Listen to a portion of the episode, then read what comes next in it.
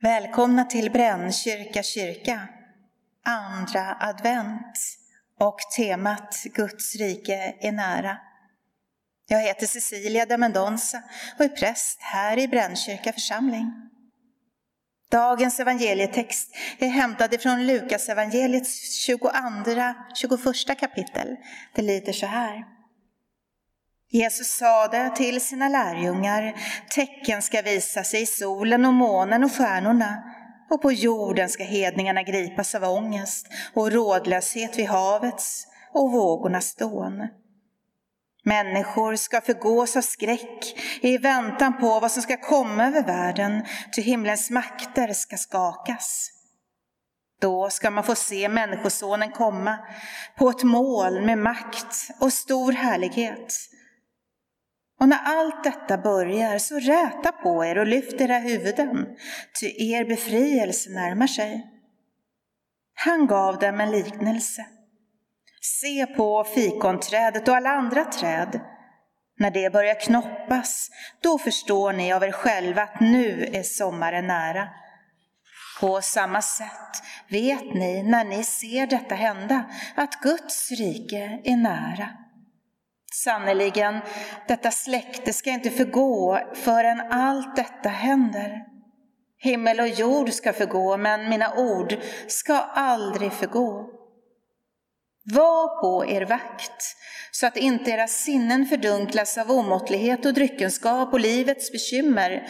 Annars överraskas ni av den dagen som av en snara, för den ska komma över alla som bor på jorden.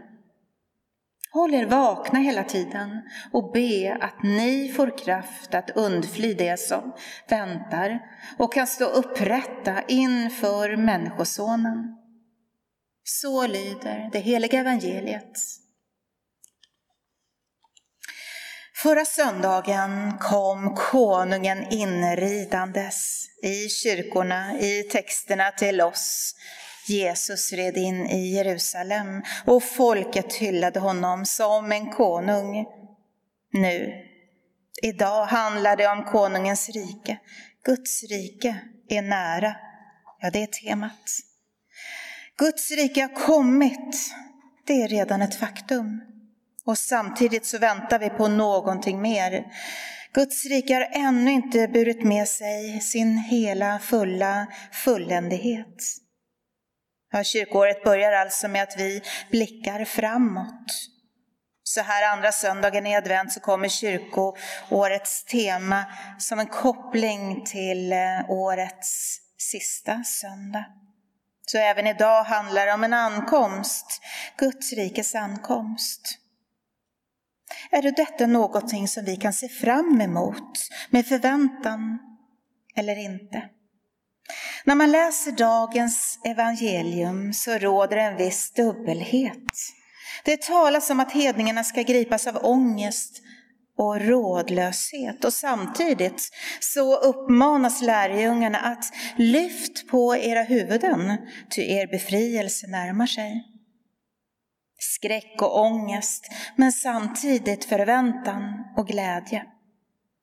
Hur ska man se på Jesu återkomst? Ska vi vara glada eller rädda? I olika perioder så har det varierat. Ibland har människors ångest vägt över och ibland den glada förväntan. Vad är det som gör att en och samma händelse kan eh, för den ena te sig som skräck och för den andra som befrielse. Det är ju trots allt samma sak som alla är med om. När man frågar människor vars framtid är hotad på ett eller annat sätt, vad som kan vara jobbigt, så får man ofta svaret att ovissheten, det är det värsta. Idag lever vi i skräck inför pandemin, covid-19. Många mister jobbet, andra insjuknar och vissa dör av en följd av detta. Men om vi är förberedda, om vi vet vad som väntar och vet vad vi har att ta oss igenom så känner vi betydligt mindre rädsla och ångest om svårigheten finns kvar. Eller? Ja, det är därför som Jesus uppmanar oss, håll er vakna. Var uppmärksamma. Se till att ni inte överraskas. Genom att leva medvetna så behöver vi inte vara rädda för framtiden. Jesus nämner två saker som hindrar oss från att leva ett medvetet och uppmärksamt liv.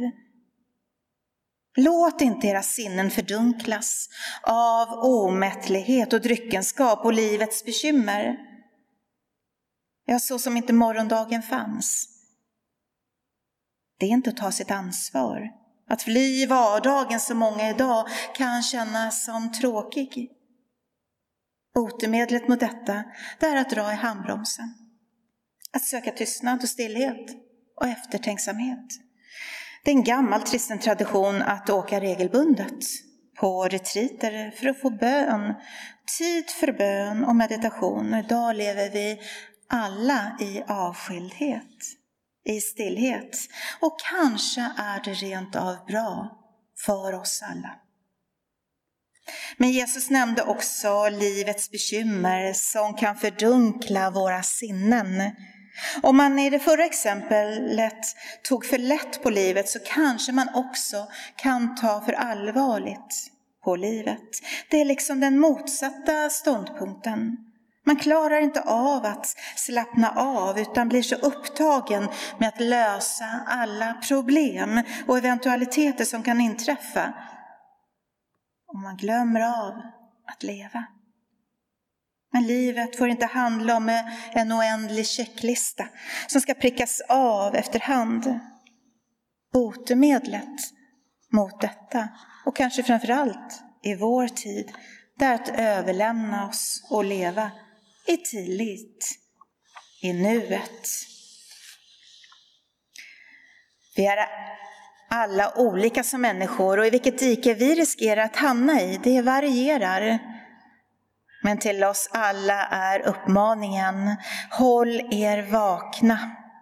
Det betyder att vi ska leva medvetna och regelbundet reflektera över våra liv. Att inte bara leva på utan tänka efter. Att vara vaken betyder att man är klarsynt och att man lär sig att skilja det som är viktigt från det som är mindre viktigt. Du och jag väntar på Guds rike. Vi väntar på att det ska bryta in med kraft och bli synligt omkring oss. För att vara kristen, det handlar alltså mycket om att vänta. Men inte vänta i ångest och fruktan, även om himlens makter ska skakas. Mitt i en orolig värld så är budskapet, vi behöver inte vara rädda. Det vi väntar på är nämligen mycket bättre än det vi nu har. Vi vet kanske vad vi har, men vi vet också vad vi får. Det har, Jesus, det har vi Jesu ord och löften på. Det är inte sant att din tid och din bästa tid är nu. Nej, din bästa tid har du framför dig. Hur länge du än levat så väntar du fortfarande på den bästa tiden i ditt liv. Så Herre, hjälp oss att hålla oss vakna så att vi ser fram emot ditt rikes återkomst med frimodighet och med stor glädje. Amen. Låt oss be. Frälsningens Gud, öppna ditt rike för oss. Gör oss frimodiga och vaksamma i bön och i väntan till dess du kommer åter. Du som är rättfärdig och barmhärtig. I Jesu Kristi namn. Amen. Så ber vi tillsammans den bön som vår Herre Jesus Kristus själv har lärt oss. Vår Fader, du som är i himmelen. Låt ditt namn bli helgat. Låt ditt rike komma. Låt din vilja ske på jorden så som i himlen.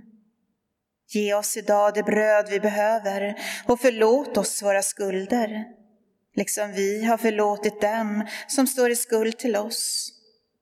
Och utsätt oss inte för prövning, utan rädda oss från det onda. Ditt är riket, din är makten och äran i evighet. Amen. Öppna så era hjärtan och ta emot Herrens välsignelse. Herren välsignar er och bevarar er. Herren låter sitt ansikte lysa över er och vare er nådig. Herren vände sitt ansikte till er och give er av sin frid. I Faderns och Sonens och i den helige Andens namn. Amen. Så sjunger vi tillsammans psalm 423.